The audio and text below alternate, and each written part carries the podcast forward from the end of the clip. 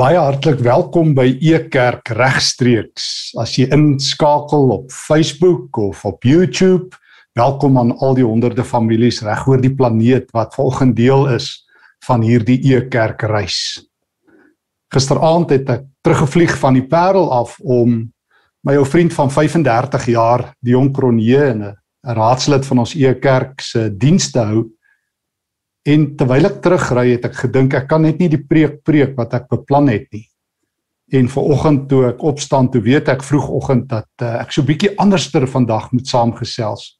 En veral toe Maritjie vir my vanoggend vertel, toe sy in die koerant op vroegoggend net sien die wat die nuutste statistieke is waarna toe hierdie derde golf van die COVID pandemie in ons eie land mee op pad is. Vroer, ja, kom ek sê so, ons almal weet van die dood. Die dood is die onwelkomme besoeker by ons almal se lewe. Maar met een sê die dood te algemeen, te populêr, te volop geword.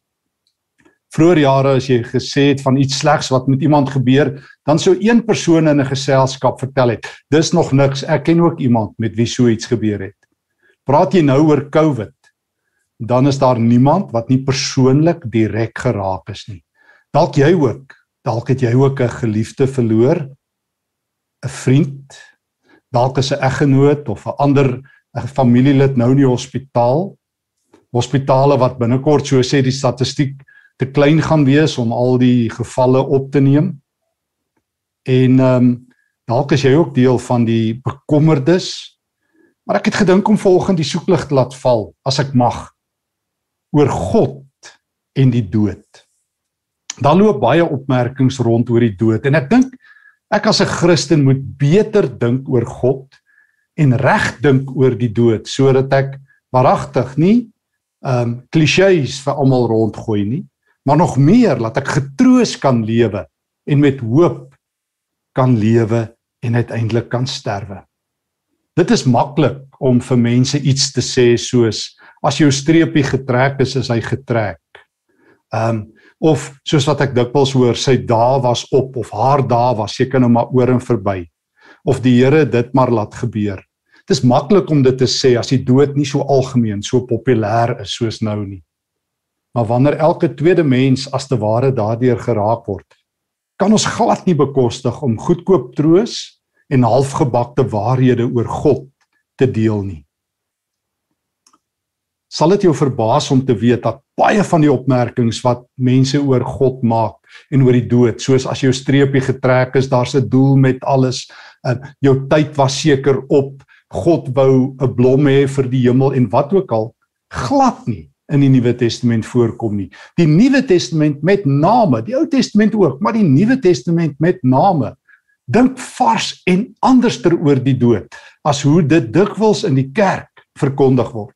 En ek gaan nou nie vanoggend in detail in oor hoekom hierdie hele idee van voorsienigheid en die noodlot en of jou streepie getrek is en wat is God se doel daarmee en wat alles. Daardie vraag kry jy glad nie in die Nuwe Testament nie. Ek wil dit weer sê, meeste van die idees wat in die godsdienstige kringe rondloop oor die dood en oor lewe, kry jy glad nie in die Nuwe Testament nie. En ek wil graag vanoggend as ek mag, ses dinge saam met jou uit die Nuwe Testament deel oor die lewe, God en die dood. Sodat ehm um, God die eer kan kry ook in hierdie tyd wanneer die dood so op ons strate rondloop. Ek wil graag 'n eerste ding met jou deel. Die dood is nie 'n verleentheid vir God nie. Kan ek weer sê, die dood is nie 'n verleentheid vir God nie. Christus hou en die dood en die lewe vas. En ek wil graag lees en ek het sommer die tekste vir myself so ingetrek op my uh uh op my iPad. Ek lees graag vir jou saam uit Openbaring 1 vers 17 en 18, sommer uh vertalings waarmee ek self besig is.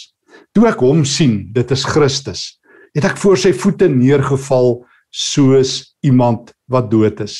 Hy het sy regterhand op my gesit. Toe sê hy: Moenie bang wees nie. Ek is die eerste en die laaste Ek is die een wat waarlik leef. Ek het dood gegaan, maar kyk, ek leef vir ewig en altyd en ek self besit die sleutels wat die dood en die doderyk oopsluit en toesluit. Jy sien, Christus is nie verleë oor die dood nie. En dit klink baie keer of ons as Christene so verleentheid het, asof ons dit moet verklaar. Nou wat het nou gebeur? Hoekom het God dit toegelaat? Hoekom leef persoon A en persoon B ehm um, het herstel of gaan dood? Ek gesels met baie mense wat vir my hierdie vraag vra. Dit lyk toe nie of dit gebid het nie of uh, uh, toe ons gebid het, dit gehelp het nie. En ander sê nie weer die Here het gehelp. En en ek en ek hoor hoe 'n nie gelowige erns die week in in die publiek skrywe. Ehm um, dit lyk ook nou nie of die Christene weet wat om te maak met die dood nie. Hulle is maar bietjie verleë. Nee, Christus hou die sleutels van die dood en die doderyk. Toe die dood op Jesus wag, het hy dit afgelag. Hy het dwars deur gestap, ander kant uit. Hy het die hekke van Hades, die doderyk, uit die pad gestap. Hy het die sleutels van die dood en die doderyk. Dis die eerste belangrike ding wat jy en ek as gelowiges oor die dood moet weet. Christus het die sleutels. Hy is sterker. Paulus kan daarom uitroep dood, waar is jou angel? 1 Korintiërs 15. Christus het opgestaan. Hy leef. Tweede ding wat ek graag oor die dood met jou wil deel en oor die lewe. Jy en ek is nie 'n slagoffer van die dood nie. Jy en ek is nie 'n slagoffer nie. En en en en daarom bied die Nuwe Testament nie allerlei verklaringe aan vir onnatuurlike dood nie. Nee, dis nie 'n ligtelike opmerking van die kant van die Nuwe Testament nie. Die Nuwe Testament verklaar nie onnatuurlike dood met kits antwoorde nie. Ek praat van onnatuurlike dood soos 'n geliefde wat aan COVID dood is, wat in 'n hijack dood geskiet is, wat in 'n misdaad dood is, wat in 'n motorongeluk dood is, En eers het mense altyd die idee dan skuld ons antwoorde. Hoekom het dit gebeur? Soos iemand vra vir my, hoekom is my buurman vermoor op die plaas? Waar was God toe? Die Nuwe Testament het geen gesprek daaroor nie. So kom ek vertel vir jou van iemand wat vermoor word in die Nuwe Testament en hoe hy dit hanteer. Jy weet dit, Stefanus, Handelinge 7 vers 58 en uh, tot by vers 60. Die Jode staan reg om hom te vermoor om hom te stenig. Wat doen Stefanus? Hoor nou. Die mense het Stefanus tot buite die stad gesleep en hom daar neergegooi. Toe begin hulle om hom met klippe te gooi. Die getuies wat dit alles in die raadsaal aanskou het, het hulle klere by 'n jong man genaamd Paulus neergesit of Saulus. Terwyl die mense besig was om Stefanus te stenig, het hy gebid. Hy het gevra: "Here, ontvang my gees daar by U." Toe het Stefanus op sy knieë neergeval, uit hart uitgeroep: "Here, moet asseblief nie hierdie sonde teen hulle hou nie." Nadat hy dit gesê het, het hy gesterf. Stefanus is nie 'n slagoffer nie. Dis nie asof ja Lukas ook net hier naskryf: "Ag toe maar ouens, God het dit presies so beplan nie. Sy streepie was getrek, sy boek was vol nie." Nee, nee, nee, nee. Stefanus selfs terwyl mense hom wreedaardig vermoor, kyk op en sê: "Here, Ek is op pad na U toe. Ek sien U aan die regterhand van God. Ek is nie 'n slagoffer van die dood nie. Net soos wat ons Here Jesus nie 'n slagoffer van die dood was nie. Net soos wat ek lees as hy aan die kruis hang, dan dan is dit nie die wrede dood wat maar net kom nie. Dan sien ek Jesus gee hom oor aan sy Vader. Lukas 23. Hy sterf in die arms van sy Vader. Hy is nie 'n slagoffer nie, jy en ek ook nie. As dit eerstens waar is, dat die dood nie vir God 'n verleentheid is nie.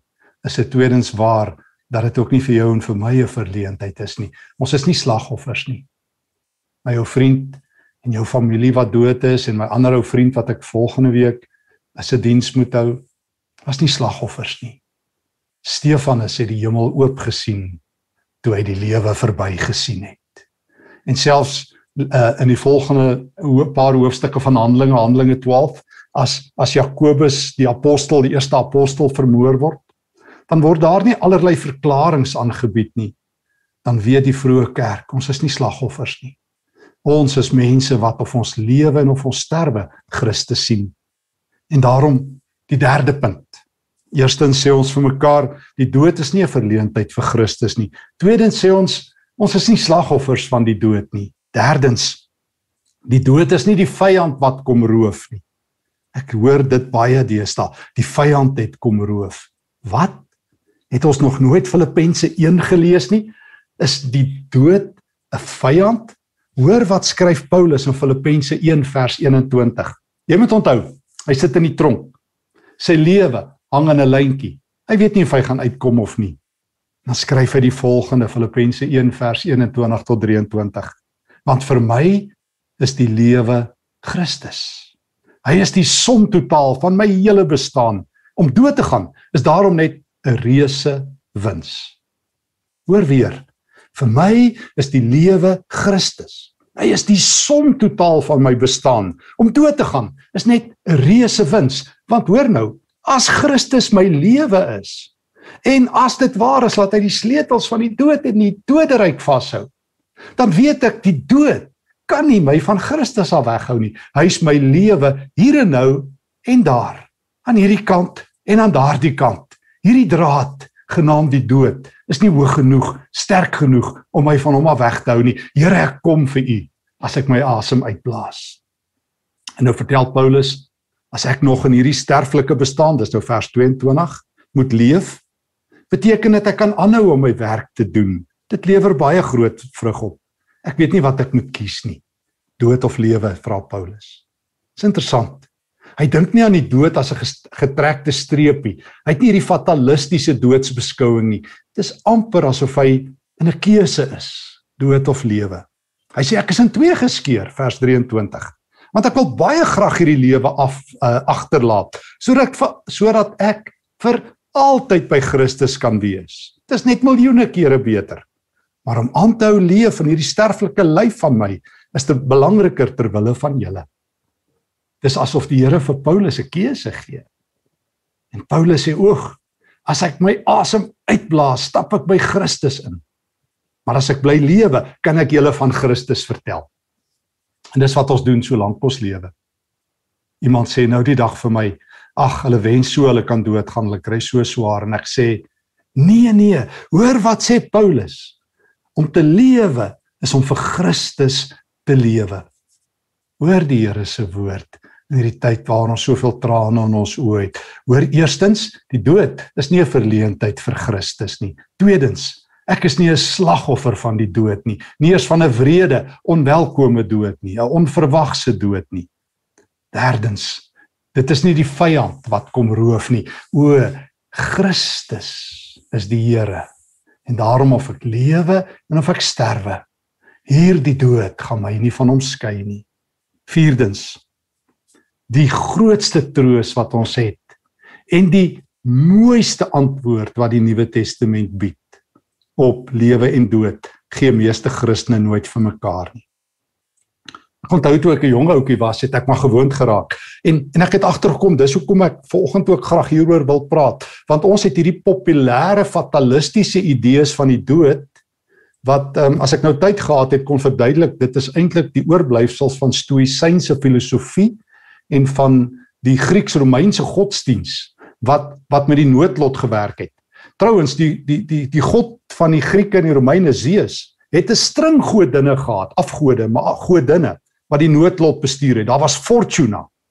Ehm um, wat drie tempels in in Rome gehad het in die tyd van Paulus. En daar was die die die godin sy was in Grieks Tygai genoem, die godin van die noodlot. En dan was daar die Keres. Hulle het so rondgehang op die slagvelde en hulle hulle het net gesoek vir mense wat wie se streepies getrek is om hulle in die doderyk te gooi.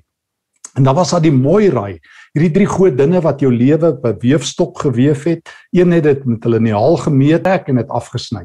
Dis waar hierdie idees vandaan kom. En en jou kerkvaders en tot die hervormers se eerste gesprekke was met die filosowe.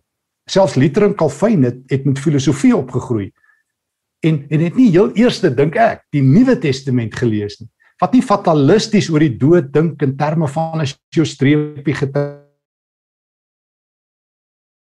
nie. En daarom is ons so verleef by die dood.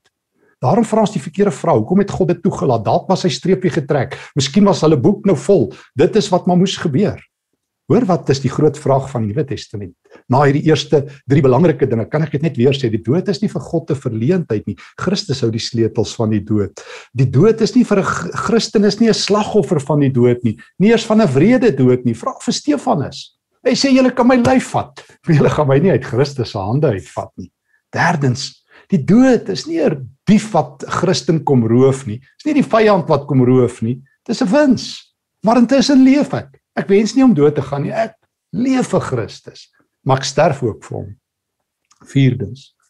Die eintlike vraag, die eintlike troos wat ons moes gee, wat ek nie geweet het nie tot ek dit geweet het en die Nuwe Testament begin lees het. Want ek het maar gewoond geraak die dominee moet 'n gepaste woord hê toe ek 'n dominee was die rukkie. En ons moet een of ander verklaring aanbied. Niemand wou verklaar hoekom my oupa grootjie op 96 gerustige dood gesterf het nie, maar sy kind op 18 sterwe en 'n vriend aan COVID sterwe, dan moet daar verklaringe wees. En dan sê ons jy sal later verstaan en ons het nie antwoorde nie. Maar dis nie die punt nie. Die punt is hoor wat sê Paulus Romeine 8 vers 37 tot 39. Jy ken dit. Maar jy moet hierdie tekste in jou hart inskryf. Jy moet dit memoriseer. Jy moet daarmee lewe en en uit dit uitlewe. Ek het dit vir myself soos volg vertaal. Nogtans te midde van al hierdie slegte dinge is ons meer as wenners. Ons is besig met 'n reuse oorwinning. Ons doen dit nie in ons eie krag nie, Ons doen dit deur Christus se krag. Dit is hy wat bewys het dat hy ons baie liefhet. Vers 38. Daarom weet ek nog dood of lewe, nog engele of ander magte, nog dinge wat ons hier en nou bang maak of dinge wat ons in die toekoms kan bang maak, nog gevaarlike dinge, nog bonatuurlike magte of wat ook al of enige ander vorm van heerskappy kan ons skei van die groot liefde wat God vir ons elkeen het. Ons ervaar hierdie liefde in alles wat Christus Jesus vir ons gedoen het. Hy is ons Here. Niks kan my skei van die liefde van Christus nie. O, dit het my troos geword, my enigste troos. Wanneer vriende van my aan die dood se bed vasgekluister gelê het, was dit my troos vir hulle en vir hulle geliefdes en ook vir my. Kan hierdie virus jou skei van God se liefde? Ook dit kan my nie skei nie. Wanneer party vriende gesond geword het, ook die virus kan my nie van God skei nie. Ook nou is ek weer gesond, prys die Here. En wanneer ek gister by my ou vriend Dion se diens staan, kon ek ook sy geliefde teks daar lees. COVID was toe nie sterk genoeg nie. Ja, dit was sterk in sy lewe, maar nie sterk genoeg nie. Kan enigiets my skei van die liefde van God in Christus Jesus. O dit is 'n Christelike troos. Nie jy sal later verstaan nie. Ek wonder nog altyd hoekom sê mense dit vir mekaar. Wat gaan dit jou nou help om later te verstaan? Ehm um, ek kan mos iets ek kan mos genoeg van die lewe verstaan. Iemand sê nou die dag ook ons sal seker eendag in die hemel verstaan. Nou ek verstaan wanneer Paulus sê ek ek sien soos deur 'n spieël in 'n raaisel. Maar dit beteken nie God se wil is 'n misterie en ek moet eers eendag doodgaan voordat ek moet weet hoekom het ek hier gelewe nie. Dit klink vir my bietjie 'n lewe te laat. Toe iemand dit nou die dag sê, toe wonder ek weer daaroor, wil jy eers doodgaan voordat jy weet hoekom het jy gelewe? Dit klink vir my dis regtig 'n lewe te laat. Ek wil hier en nou weet hoe ek moet lewe. Ek wil hier en nou getroos lewe. En weet jy hoe leef ek getroos? Ek weet die dood is nie 'n verleentheid vir Christus nie. Hy hou my lewe en my sterwe in sy hand. Onthou jy Openbaring 1. Ek weet tweedens, ek is nie 'n slagoffer van 'n wrede dood nie. En daarom hoef ek nie verklaringe daarvoor aan te bied nie, so Stefanus. Terwyl hulle hom vermoor, kan hy sê, ek sien vir Jesus. Derdens, die dood is nie die vyand wat 'n Christen kom roof nie. Dit is wins, maar intussen leef ek voluit vir Christus. Hy is my lewe. Vierdens, my beste troos, my enigste troos. Wat kan my skei van die liefde van God? Hoe sê die ouens bring it on? Dood, lewe, gevare, honger, naaktheid. O, ek weet baie mense verloor hulle geloof. Dit sien ek baie. Hulle hou op glo want hulle sê nou waar's die Here? Ek weet waar's hy. Hy is wie hy is. Hy is die Here van hemel en aarde. Hy hou die sleutels van die dood. Hy is nie verleë oor sy kinders se dood nie. Hy hy bied nie vir spesiale verklaringe nie. Hy sê niks kan jou van my skei nie. So het jy gehoor die Nuwe Testament dink verhoudingsmatig, dink relasioneel, nie rasioneel met die kop nie. Om te sê jy sal later verstaan is 'n rasionele verklaring. Wat sal dit jou in elk geval help om later te verstaan? God sê ek wil hê jy moet relasioneel verhoudingsmatig oor my dink. Ek is by jou. Ek is by jou. Kan ek dit weer sê? elke keer as God opdaag, gebruik hy nie daai woorde wat ons gebruik om hom mee te verklaar. Toe maar, ek is in beheer nie. Ja, hy is in beheer, maar hy sê dit net nooit. Wat sê God elke keer as hy opdaag? Ek is by jou. Hy sê dit vir Josef in die tronk in Genesis 39, ek is by jou. Hy sê dit vir Joshua in Josua 1 as hy by Moses moet oorneem, ek is by jou. Hy sê dit vir Gideon in Rigters 6 as die Here hom roep, Gideon, ek is by jou. Hy sê dit vir sy disippels op die skipie as hulle bang is in Matteus 14, dit is ek. Jesus sê dit in sy laaste woorde as hy vertrek hemel toe. Ek is by julle al die dae.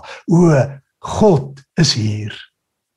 En en die vyfde ding wat ek oor die dood leer in die Nuwe Testament, die lewe is tydelik. Dit gaan gou verby. Maak gereed hiervoor. Die Nuwe Testament leer Vyftens, die lewe is tydelik. Dit gaan gou verby. Maak gereed hiervoor. 2 Korintiërs 4 vers 17 tot 18 kan ek dit vir jou lees. Ons weet al hierdie lyding wat ons nou beleef is eintlik lig. Want dit is tydelik, dit gaan verby. Dit berei ons voor op 'n ewige nuwe heerlikheid wat wag daar by God. Ons het nie genoeg woorde om die grootheid en die glorie hiervan te beskryf nie. Ons fokus nooit ons aandag op dit wat hier en nou rondom ons gebeur nie. Ons fokus ons aandag op dit wat ons nie met ons eie oog kan sien nie. Dit wat ons nou nog raak sien is tydelik. Die nuwe lewe by God wat op ons wag en wat ons nie kan raak sien nie, dit is ewig.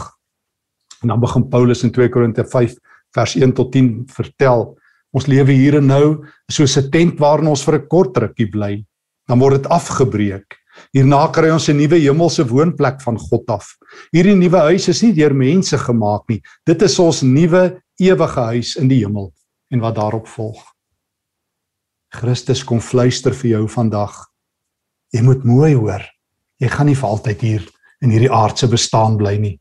Ek maak 'n nuwe huis in die hemel. Ek maak 'n nuwe hemel en 'n nuwe aarde. Hier en nou het jy 'n tent. Ek gee vir jou 'n ewige huis. En as jy swaar kry en as jy huil ver oggend oor 'n kosbare vriend of familielid, hierdie lyding is tydelik. Nee nee, moet dit nie lig afmaak nie, rou, huil, treur. Maar dit gaan verby. Hierdie ou lyf gaan nie vir altyd hou nie. Dit gaan verby. Nee, ek ek ek ek is nie iemand wat my lewe omwens nie. Dit gaan nie net om in die hemel uit te kom nie. Jesus stel in hierdie lewe belang. Ons het dit al vir mekaar gesê. Hy kom nie in die eerste plek om ons hemel toe te vat nie. Hy kom in die eerste plek om hemel aarde toe te bring. Hier en nou het ek die lewe in Christus. Filippense 1. Maar weet ook, dit gaan verby. Moenie te tuis raak nie. Jesus wink jou nader. Hy klop aan jou deur. Moenie weerstand bied as dit kom nie. Ag ek onthou my eie pa. Jare jare gelede toe hy aan kanker dood is. Hy het jare aan kanker gely en die laaste keer het hy vir my gesê my kind, ek gaan nie meer vir chemo gaan nie, ek kan nie meer nie. En ek het by hom gepleit en gesê pa, jou kleinkind is op pad, wil jy nie net vasbyt nie? My liewe pa het vir my so gekyk en gesê my kind, moenie my terughou nie, die Here wink vir my. Hy roep my. My huis is klaar. Hy wil my by hom hê. Die dood kom Nee nee, dis nie 'n verskrikking nie, maar dis 'n realiteit. My swaar kry gaan verby. Fokus jou oog op op die Here Jesus. Hy kom. Hy kom vir jou. Hy het jou naam en adres. Hy gaan vir jou vat na hom toe as jou plek gereed is. Nie as jou werk verby is nie. Ag sies tog, ma, skoonma, ouma, wat kyk. So in die begin van die jaar, 25 Januarie, is uh sy moet kanker gediagnoseer pankreaskanker. Ag, het jy die post gesien? En dit was terminaal. Die slim prof by die universiteit het gesê en ek respekteer dit so. Moenie eers vir behandeling gaan nie. En toe uh, sê by ons ou vriend Eugene Pretoria is opgeland wat en uiteindelik die kort nie lank is met alternatiewe chemoterapie het ons week na week gesien hoe wonderwerk gebeur en so 2 weke, 3 weke terug ouma vir die PET scan gegaan of 'n maand terug en woordswarts is hy gesond. Daar's nie 'n streepie kanker oor nie. En laasweek weer terwyl ons huil oor my vriende, jubel ons oor ouma. Ouma's 85 en nou voel ons ons moet haar onder curfew sit. Maar as ek sien woord sy met haar karretjie Pretoria toe en terug, sy sê sy moet by die ou mense wees, sy wil 'n bietjie help. Maar hoe dit ook al sê, ouma sê vir my nou die dag, ouma ekskuus ek moet dit vertel. Ja, maar van haar vriende sê haar werk is nog nie klaar op aarde nie. Ek sê ag ouma, jy hoef nie te bekommer nie. Die Here Jesus het klaar al die werk gedoen. Hy wil hê jy moet net vir hom lewe.